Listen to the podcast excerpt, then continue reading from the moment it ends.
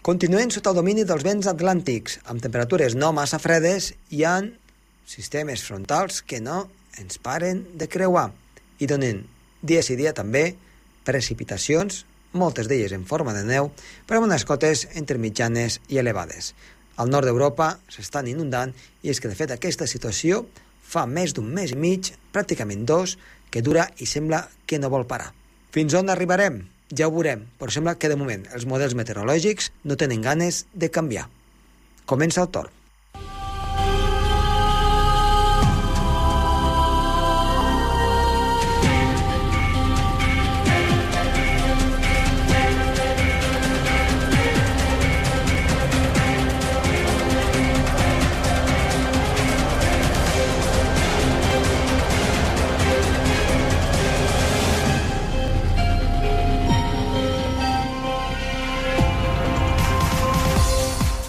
Hola, què tal? Molt bona tarda, moltes gràcies per estar darrere del seu aparell, ja sigui de l'ordinador o bé del seu aparell de ràdio, cada cop menys de ràdio i més d'ordinador.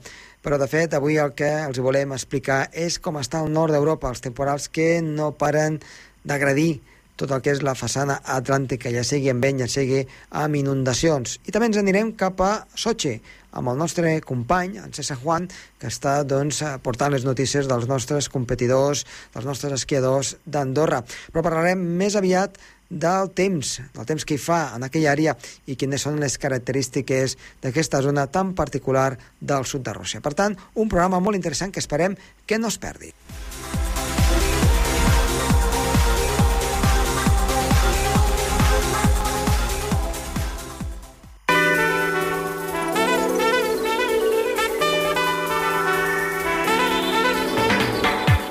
Marxem a l'altra banda del fil telefònic i trobem en aquest cas en Roger Soler, que com sempre ens porta les notícies de ciència, de meteorologia, les notícies de la setmana. Roger, molt bona tarda. Bona tarda, Josep. Què ens portes aquesta setmana? Doncs aquesta setmana l'actualitat mana i toca parlar del temporal que continua afectant i continua sacsejant l'Europa occidental, també l'Europa central, moltíssims fenòmens i també, desgraciadament, víctimes mortals. També parlarem del vent aquí a la península Ibèrica, un vent que s'ha deixat sentir sobretot a Tarragona, Catalunya, i també aquí al Pirineu. Explicarem les causes, eh, posarem xifres numèriques amb aquest vent que estem explicant. Però, si et sembla, posem els ulls primer a Europa, vale? Som-hi. Què està passant? Doncs aquest temporal que continua afectant sobretot Alemanya, França, el Regne Unit, eh, segons fonts d'informació, agències de notícies europees i espanyoles, algunes desenes de víctimes mortals, dues, tres eh, persones van morir a Sicília també eh, a causa d'un de, desbordament d'un riu quan anaven amb el seu cotxe. També hi han algunes víctimes mortals a la resta d'Europa, sobretot a Europa Occidental, a causa d'esllavissades, un tren que va descarrilar el cap de setmana passat a la zona dels Alps. A causa de les fortes precipitacions de neu es va produir aquest descarrilament, moltes nevades a totes les zones muntanyoses, fins i tot s'estan batent rècords, Josep, i sobretot també inundacions al sud-oest del Regne Unit porta dues o tres setmanes amb inundacions permanents en aquesta zona. Quina seria la causa d'aquesta persistència, d'aquesta perseverància del temporal? Doncs el que continua la dinàmica atlàntica sinòptica molt forta. Es continuen gestant pertorbacions molt profundes, molt tancades, amb molt vent, amb les isòbres molt juntes que continuen afectant i sacsejant tot a l'oest del continent europeu i les illes britàniques. Les nevades als Alps, també a la zona del nord d'Itàlia, estan sent molt fortes. Més d'un metre de neu s'ha acumulat en aquest sector. Les previsions anuncien que continua aquesta activitat atlàntica al llarg dels pròxims dies i també destaquem aquestes ciclogènesis explosives, com per exemple l'Estefani, Josep, que ha sigut l'última que s'ha sacsejat al Cantàbric i també tota la zona occidental del continent europeu. Per tant, déu nhi com està el panorama en aquest sector, Josep, eh? Això és clarament una oscil·lació àrtica o un, una oscil·lació de l'Atlàntic Nord eh, doncs, eh, positiva, no? d'aquestes que donen doncs, molta, molta precipitació cap al nord d'Europa i cap a les zones mediterrànies doncs, es queden una mica eh, més al marge i, i sembla que ha de continuar de moment. Doncs sí, doncs sí, i podem enllaçar això amb els models estacionals, que mm -hmm. anuncien un febrer amb un patró molt similar al mes de gener, Josep. És a dir, aquesta activitat zonal atlàntica, aquesta circulació de fronts que sobretot deixaran la major inestabilitat, la major precipitació al Cantàbric, a l'oest de la península Ibèrica, al vessant atlàntic del Pirineu, també a tota la façana atlàntica occidental del continent europeu. A la zona mediterrània sí que poden arribar núvols i alguna precipitació, però en general s'espera un temps més sec i sobretot el vent si continua o si es compleixen aquestes prediccions a mig termini del mes de febrer d'aquesta activitat atlàntica, aquest pas de fronts i aquesta fluctuació de masses d'aire també ens fa pronosticar un febrer més o menys ventós no estem anunciant que cada dia faci vent de 100 km per hora, evidentment, però la tendència, la mhm. tònica general serà ventosa si es compleix aquesta circulació i aquesta fluctuació tan forta de les masses d'aire. Josep, i extrapolant això aquí al Principat d'Andorra, sí. doncs podríem afirmar que sí que continuaran passant fronts, sí que aniran eh, deixant nevades amb temperatures tampoc excessivament baixes, amb fluctuacions, i sobretot la zona que més rebrà neu, segurament amb aquesta situació, serà el pas de la casa i la zona alta d'Ordino, la zona d'Arcalís, és a dir, tot l'extrem nord del Principat, però sobretot el vessant més atlàntic. Mm -hmm. En canvi, a la resta sí que hi pot haver alguna nevada, com aquesta nit passada, però en general serien fenòmens més dèbils i no esperem cap onada d'aire fred important. Seria més o menys un resum bé, no? Doncs sí, eh, jo, doncs, a mi m'agradaria que vingués una onada d'aire fred i un anticicló, uns dies només, eh? Uns dies només, per, per acabar doncs, d'enllestir l'hivern, que era el que ens falta potser de, de, de fenòmens meteorològics que encara no hem tingut una, una doncs entrada sí. d'aire fred una mica, una mica potent. Però bé, no sé si es portaves també una mica de, per parlar del vent de, doncs sí, últimes hores. el vent ha sigut notícia, Josep, uh, sobretot a Tarragona. Estan acostumats allà al Mestral, però precisament aquesta borrasca, la Stephanie,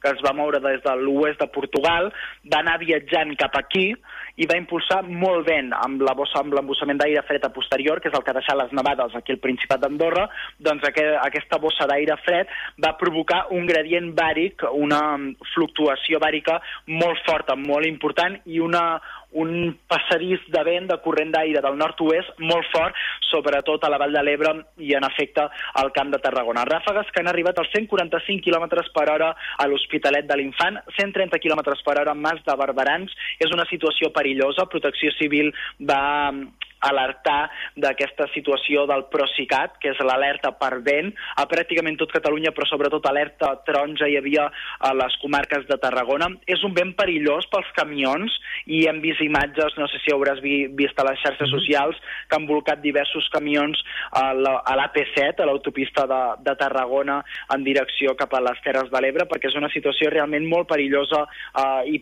i dificulta molt la mobilitat a la carretera amb unes ràfegues de vent que superen superen els 130 a 150 km per hora pràcticament. Per tant, déu nhi la ventada. Aquí el Pirineu ha fet bastant vent, ràfegues entre els 80 i els 100 km per hora, per exemple, aquí al port d'Envalida, però tampoc no ha sigut una ventada d'aquelles de primera categoria. Ha sigut una ventada forta, bastant consistent, però com en altres situacions atmosfèriques acostuma a succeir aquí al Pirineu. Doncs Roger, eh, moltes gràcies per les notícies d'aquesta setmana i seguirem amb molt d'interès, especialment com evoluciona aquest temporal del nord d'Europa que sembla que no vol tenir fi, almenys de moment. Perfecte. Fins aleshores. I dijous. Adéu.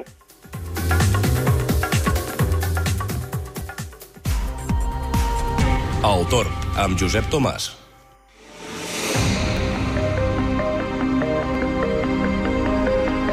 A l'entrevista d'avui ja en els Jocs Olímpics d'hivern, a Sochi, 2014, i tenim desplaçat en aquella àrea del món, a Rússia, el nostre company, el periodista Cesc San Juan. Cesc, molt bona tarda. Bona tarda, bona tarda. Aquí estem a Sochi, com bé dius.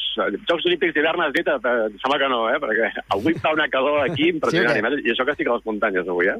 Escolta, molt bé. Doncs uh, evidentment ja anem mirant les teves cròniques dia a dia de com van doncs, els nostres eh, esquiadors eh, aquí a, en els Jocs Olímpics, i, però nosaltres volem parlar eh, també una miqueta de l'esport, evidentment, però volem parlar una miqueta d'allò que no, no es veu a Sochi i que tu estàs gaudint o patint, i també una mica, com no, eh, doncs de la meteorologia i del clima d'aquesta regió. Eh, hem vist en la inauguració doncs, que de neu a, a la zona doncs, on, on es va fer tot el tema inaugural, eh, on hi ha la via, la via olímpica, doncs de neu res de res, no? Sí, sí, res de res, i tant. No, no n'hi ha per enlloc allà de neu.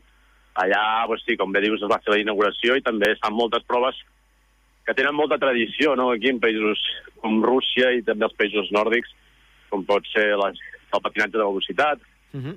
el patinatge artístic, eh, també el hockey, que és l'esport rei aquí a Rússia, i de fet, de fet fins i tot vaig demanar a algú de per allà, perdona, eh, que acabo de pujar una escala, eh? Tranquil, tranquil. Ja, ara ja estic a dalt.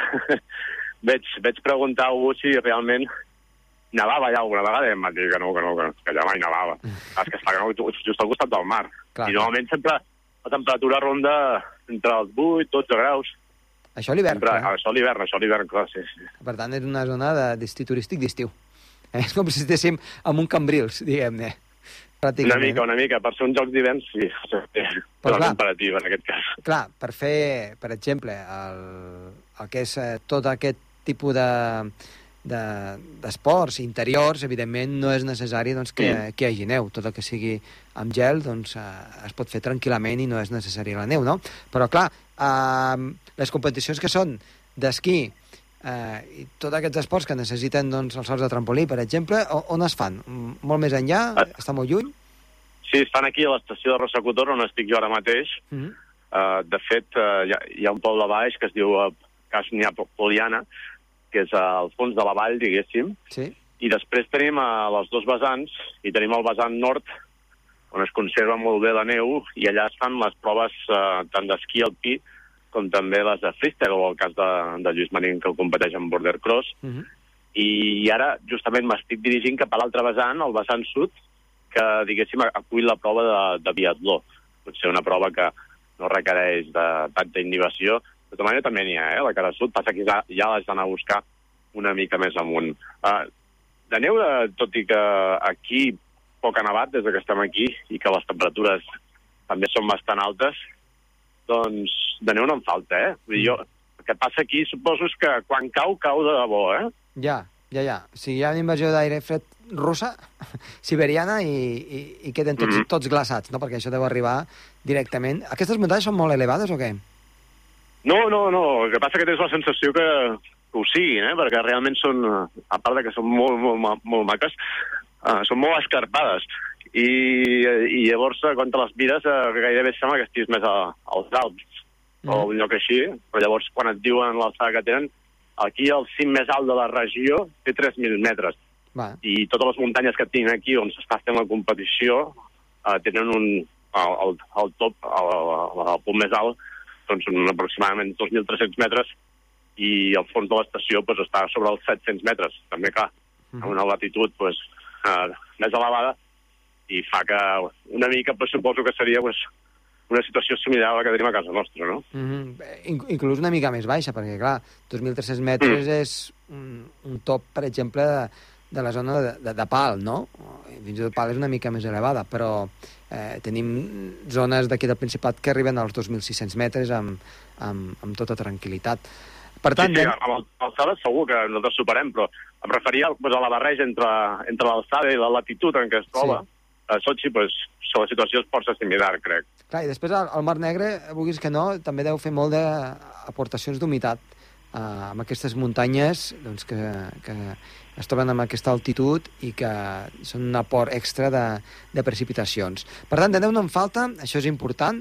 I mm. tu com t'has trobat aquí? Com, com, com teniu una miqueta el lloc on, on, on has de dormir, a les instal·lacions, etc.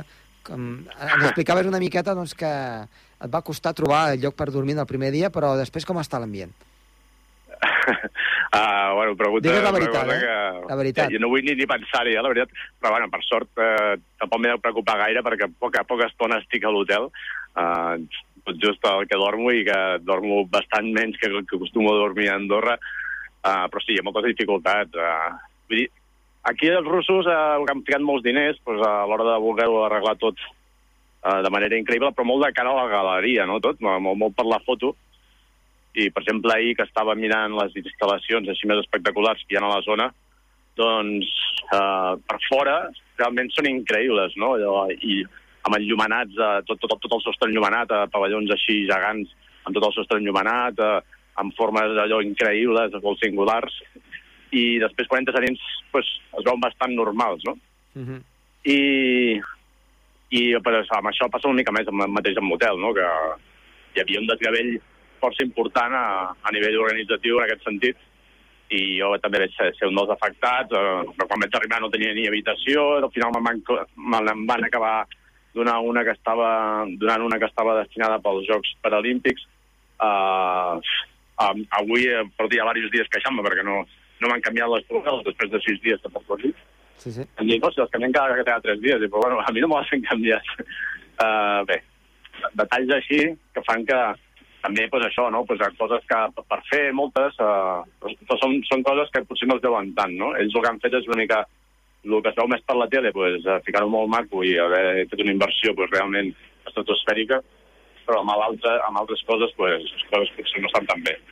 I uh, les estacions d'esquí d'aquesta àrea, eh, creus que tenen futur? Uh, les han renovat totalment?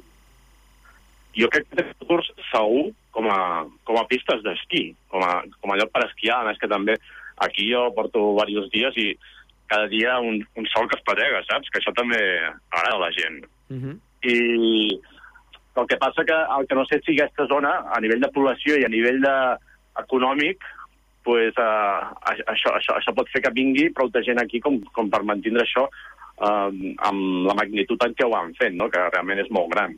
Uh -huh. Sí, hi ha complexos, eh, complexes de tipus turístic per eh, que pugui venir doncs, el típic turista a passar el cap de setmana a esquiar o, o això és només ara pels jocs i després doncs, la, la situació és ben diferent? No, no, perquè pels jocs justament han aixecat uns hotels eh, brutals, eh, increïbles, i sí, sí, el turista que vingui aquí trobarà tot, tot el que vulgui i, més. I està ple de, de, de telecabines per tot arreu, telefèrics, eh, hotels, eh, eh, les, tots els telecabines arriben fins al baix de tot el poble, arriben després eh, enllaçats fins a dalt. Eh, realment l'estació val molt la pena i les muntanyes també. El que et deia, no? que estem en una zona que, que no, no, no és la Rússia... Rússia és un país com està com amb molta evolució i sembla que sí que hi ha gent que té molts calés, però, però, però molta altra que no. I mm. jo, per la sensació que he tingut quan he sortit una mica dels circuits en, en els que ens porten, eh, és que en aquesta zona no hi ha tanta bonança econòmica com, com pot semblar per la tele, no? Mm -hmm. I a, a nivell de pistes d'esquí, eh, hi ha també inhibició artificial? Sí, sí, sí que n'hi ha. El que passa que, bueno, de moment, eh, a la majoria de llocs no, no és necessari, perquè, com et deia, aguanta prou bé la neu. Jo diria que a diferència d'aquí a casa nostra, el tema de, que sempre estan bastant castigats pel tema del vent, eh, saps, eh, Josep, que sempre quan, quan fa una nevada molt gran, a vegades s'acumula molta, molta neu a Sí. baix i, i, els, i, els, i els cims de les muntanyes queden, queden ben pelats per, per l'acció del vent, no? I aquí la veritat és que estan les muntanyes ben maques, ben plenes de neu fins a dalt de tot. Mm -hmm. Home, serà difícil que en tots aquests dies que encara queden per, fins al dia 23 eh, de febrer, si no m'equivoco, doncs no arribi cap tipus de precipitació. Eh, esperem que, doncs, que quan, quan hi hagi, ja ens ho explicaràs, de, de, de veure com, com, com és això, no? com és la neu aquí eh, en, aquest, en aquest lloc del món, però de fet el que, el, el que ens estàs explicant i el que veiem una mica per la televisió, sí que la qualitat de la neu no es veu aquella qualitat pols, pols. Sí, sí. M'agradaria, m'agradaria que veure una nevada de les portes abans de marxar. De fet, ahir va nevar una mica, però va ser una, un dia així com molt humit. I no sé si segurament és habitual, pel, pel que m'ha deies abans també del Mar Negre. Mm -hmm. I, però sí, suposo que algun dia sí que deu baixar més la temperatura i, i deu fer una, una bona descarregada, perquè la nevada d'ahir s'ha quedat en res, eh? Potser de dalt de tots els cims ha caigut alguna però poca cosa. Estaria bé també per renovar una mica la neu i que millorés encara una mica més la qualitat. Mm. A, a nivell de, de paisatge, els, eh, hi ha aquestes muntanyes, els boscos són molt extensos o és bàsicament tot roca? És, és, és un bosc, sí, hi ha, hi ha molt bosc que arriba gairebé...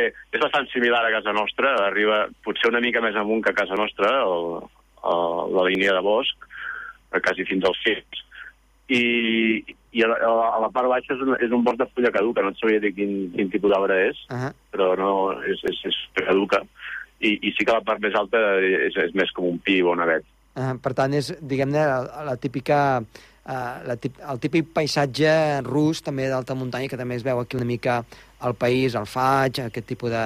de sí, el faig deu ser. Sí, sí, sí, correcte. I, i després tenim doncs, aquest avet, avet o aquest pi negre, no? Igual, per tant, és mm -hmm. un tipus de, de, de bosc eh, típic euroasiàtic, no? que, que s'estén al llarg de, del, que és, del que és tota Europa. Eh, no sé si tens alguna cosa més a destacar així que ens vulguis dir, que no era explicat per televisió, ara potser és el moment de dir-ho, ara que no ens escolta ningú. Home, mira, doncs aprofitant que m'estic dirigint cap a l'Aura Cent, on es fan les proves de biatló, que són de les més seguides aquí a Rússia, perquè agrada molt aquest esport aquí a Rússia, aquesta disciplina. Uh, per mi, de tot el que he vist a l'estació, a nivell de, el que deies ara, no? De, muntanya i de, pels, pels arbres i tot plegat, uh, és l'estació més maca de totes les que hi ha aquí, que hi ha, hi ha moltes, eh? com et dic, tenim el vessant sud i el vessant nord, uh mhm. -huh. i la més maca a nivell paisatge és, és aquesta, perquè realment el, el, el bosc és molt maco, dintre de l'estació són uns arbres així força separats, i les cases també són molt de l'estil alpí, més, més, més de l'estil de Suïssa i llocs així, i a més que, clar, tens davant tot el cara nord, que sempre és el que impressiona més, no? normalment, amb, amb molt escarpada i amb molta neu. Mm -hmm. Per tant, és un paisatge, doncs, eh, com dius tu, no? pràcticament de centre Europa, de, dels suïssos, però situat en aquesta, en aquesta regió eh, de Rússia. Doncs, Cesc, et deixem, que, que tens molta feina al llarg d'aquests propers dies. Eh, disfruta al màxim i descansa, especialment doncs, eh, durant la nit, abans d'enviar les teves cròniques, que puguis descansar una mica i, i res, doncs que et vagi molt bé i t'esperem doncs, en una propera trucada, o si més no, que ens ho expliquis aquí quan tornis després del 23 de febrer. Gràcies i fins la propera. I tant que sí, intentarem descansar, però bueno, si no ja descansem a Andorra, que això s'ha d'aprofitar, i tant de bo que portem a... una mica de soroll, eh, aquí els andorrans. I es, esperem que sí, i que hi hagi alguna, que sí. alguna sorpresa en forma de medalla, a veure si és possible. I tant que sí. Adéu, Josep. Adéu.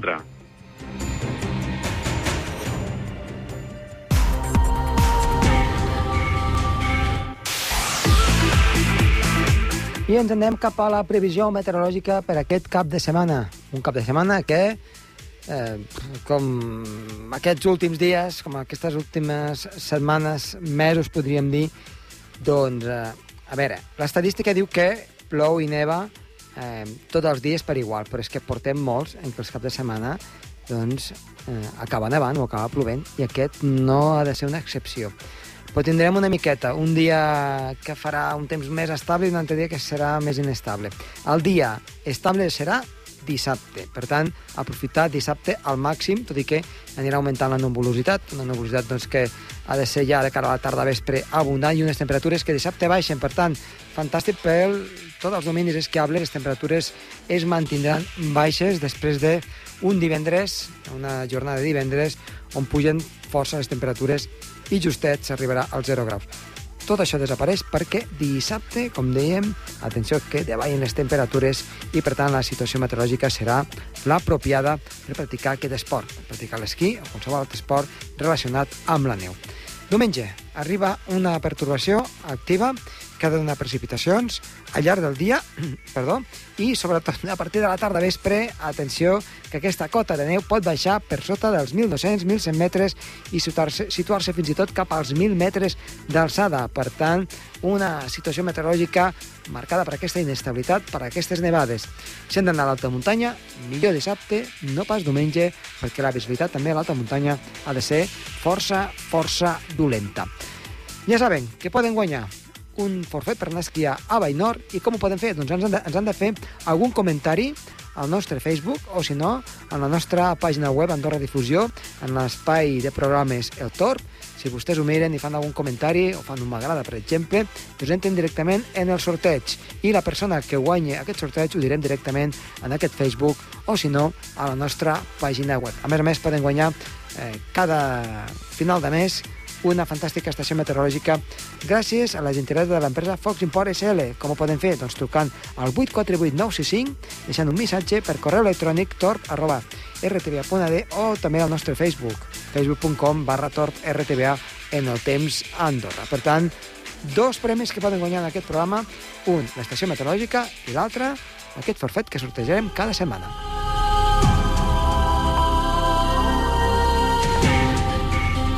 Fins aquí el programa d'avui. Ha estat un ple de nou estar amb tots vostès. Veurem què passa a Sochi al llarg d'aquesta setmana, a veure si tenim més notícies positives i res més. Esperem que també la neu ens acompanyi al llarg d'aquests propers dies i sobretot el fred, que és el que toca. Està de les vides de so, Andreu Trastoi, i que us ha parlat amb molt de gust Josep Tomàs.